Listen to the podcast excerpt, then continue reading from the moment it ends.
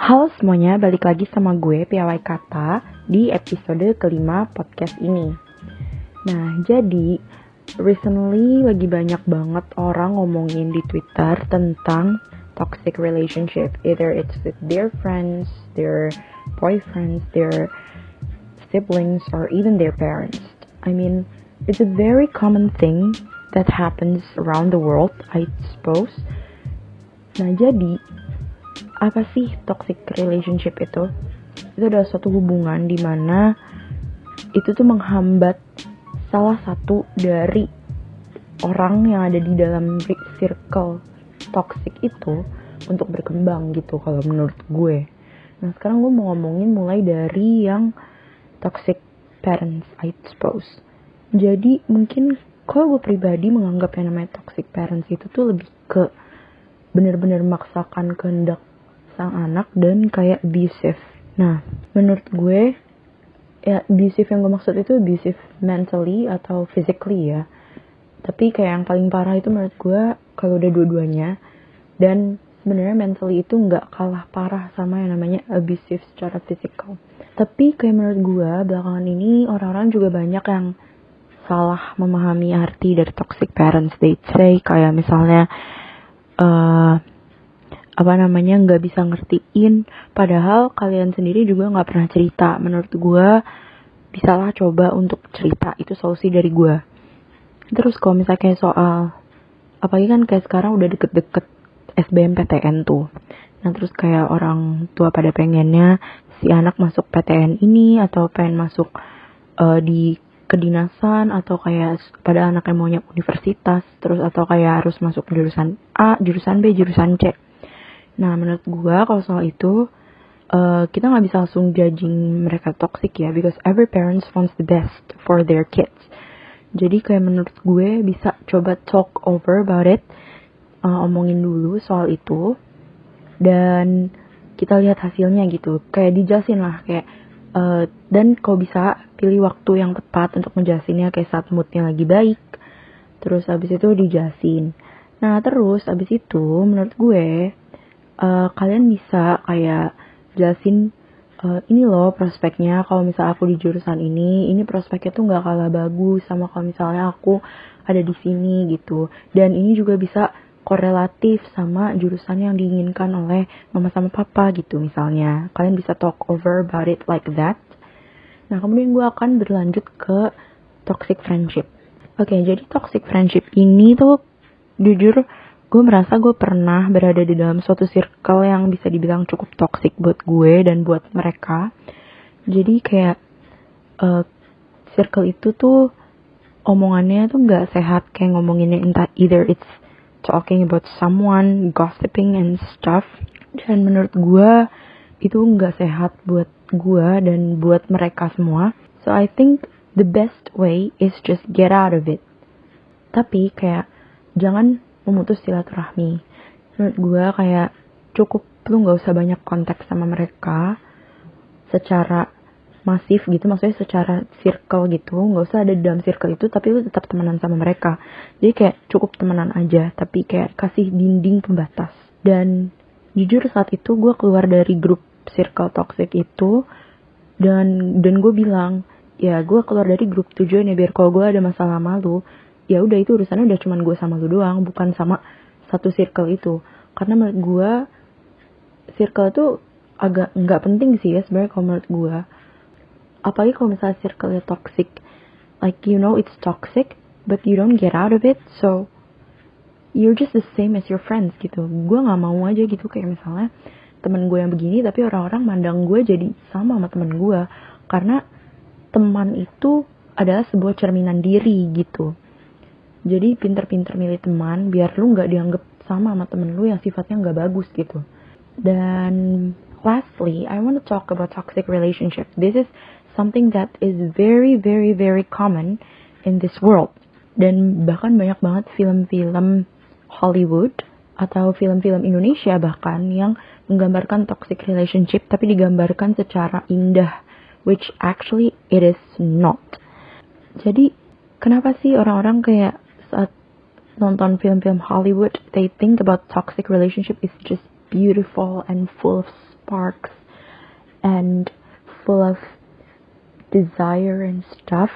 I mean like what's the point gitu loh kalau selama keindahan dan desire itu tuh nggak sehat buat emosi lu buat mental lu itu nggak sehat terus apa gunanya gitu? Dan kayak di Twitter nih gue kan juga sering buka Twitter tuh. Di Twitter juga banyak banget orang yang bilang gimana sih caranya keluar dari toxic relationship? I'd say menurut gue feeling kalian ke orang yang kalian anggap toxic itu I wouldn't say it's a love it's an obsession. And you can get out from obsession or addiction or whatever that is. Dengan cara ya dari diri lu sendiri kalau udah ada kemauan you have if you have commit you have to do it gitu kalau udah komitmen lu pengen keluar dari toxic relationship itu ya udah lu harus keluar gitu maksud gue gimana ya gue bingung aja gitu kayak di film-film digambarinnya tuh toxic relationship bagus. Mungkin itu salah satu hal yang mendorong orang-orang merasa nyaman di dalam toxic relationship. Padahal itu tuh benar-benar nggak sehat secara mental maupun fisik. Karena fisiknya jadi ikut lelah kalau mental lu lelah gitu. Dan itu tuh benar-benar jadi the biggest distraction for everybody. Dan gue juga bingung gitu kenapa sih lo udah tahu itu tuh nggak baik tapi lo balik lagi gitu ya don't drink the poison just because you're thirsty. Gitu maksud gue. Jadi kayak jangan minum racun meskipun lu haus gitu. Paham gak sih? Toxic relationship is not beautiful. It is unhealthy for mentally or even physically. Dan itu tuh cuman akan menyeret lu ke dasar gitu. Dan kalau lu udah tenggelam dalam toxic relationship, ya gue kasihan aja sih sama lo gitu kayak ya udah gitu kasihan lu kalau mau lihat toxic relationship yang sesungguhnya lu nonton drama-drama yang kayak World of Married or anything itu tuh salah satu bentuk dari toxic relationship di mana seorang pengen balik lagi tapi sebenarnya balik lagi itu bukan karena cinta tapi karena kasihan rasa kasihan aja dan menurut gue rasa kasihan itu harus diilangin gitu loh ke orang yang mungkin udah bener-bener nyakitin lu, nginjek-nginjek lu gitu. Ya, jadi intinya, don't stay in a relationship that is unhealthy for you. Jangan tinggal di relationship yang gak sehat gitu buat lu. Baik secara mental maupun fisikal. Karena it will just stop you from growing. Itu bakal membuat lu berhenti berkembang nih dan oh ya ada lagi kayak uh, kalian mungkin gak sadar kalau ini sebenarnya salah satu bentuk toxic relationship di mana kalau misalnya nih kayak ada dua orang cewek cowok kayak misalnya nih misalnya nih si cowok ini dia itu selalu ngurus masalah sendiri tapi dia selalu bantuin si cewek. Nah itu tuh juga termasuk menurut gue salah satu toxic relationship di mana itu tuh membuat si cewek jadi nggak berkembang. Karena dia selalu dibantuin tapi dia nggak dibolehin buat ngebantu si cowok itu jatuhnya si cewek jadi terhambat gitu loh jadi kayak nggak berkembang gitu di dalam hubungan itu. Jadi harus saling menguntungkan gitu. Jadi nggak bisa lu komensalisme in a relationship komensalisme itu nggak bisa. Jadi lu harus mutualisme. Karena gunanya tuh ya biar lu saling percaya gitu. Terus kayak relationship yang banyak trust issues kayak lu nggak dipercaya buat ini ya itu juga menurut gue salah satu bentuk toxic relationship. Atau kayak orang yang terlalu posesif kayak dia harus begini dia nggak boleh keluar sama ini atau ini ini ini nih itu terlalu posesif posesif itu juga termasuk toxic relationship so if you feel like you're in that relationship dan kalau misalnya menurut gue kalau misalnya masih bisa diperbaikin ya walaupun menurut gue akan susah karena you cannot change a person completely uh, gue juga pengen bilang buat jangan berubah demi orang lain, tapi berubah demi diri lo sendiri. Dan jangan cari orang yang berubah demi diri lo, karena ujung-ujungnya saat misalnya lo nggak ada di sisi dia, mungkin orang itu akan kembali ke sifat aslinya. Jadi cari orang yang benar-benar tulus, benar-benar baik, dan dia emang berubah bukan karena diri lo gitu, tapi karena dirinya sendiri gitu. Pengen berubah menjadi lebih baik karena dirinya sendiri. Itu akan jauh lebih baik in a relationship. It's gonna be a healthy, stable relationship. Dan gue juga untuk kalian semua kalau berubah itu demi diri sendiri karena jujur kalau kalian baik sama diri kalian sendiri nanti kalian akan merasa orang lain deserve the same treatment as I do to myself gitu. I think that's all what I wanna talk about in this episode.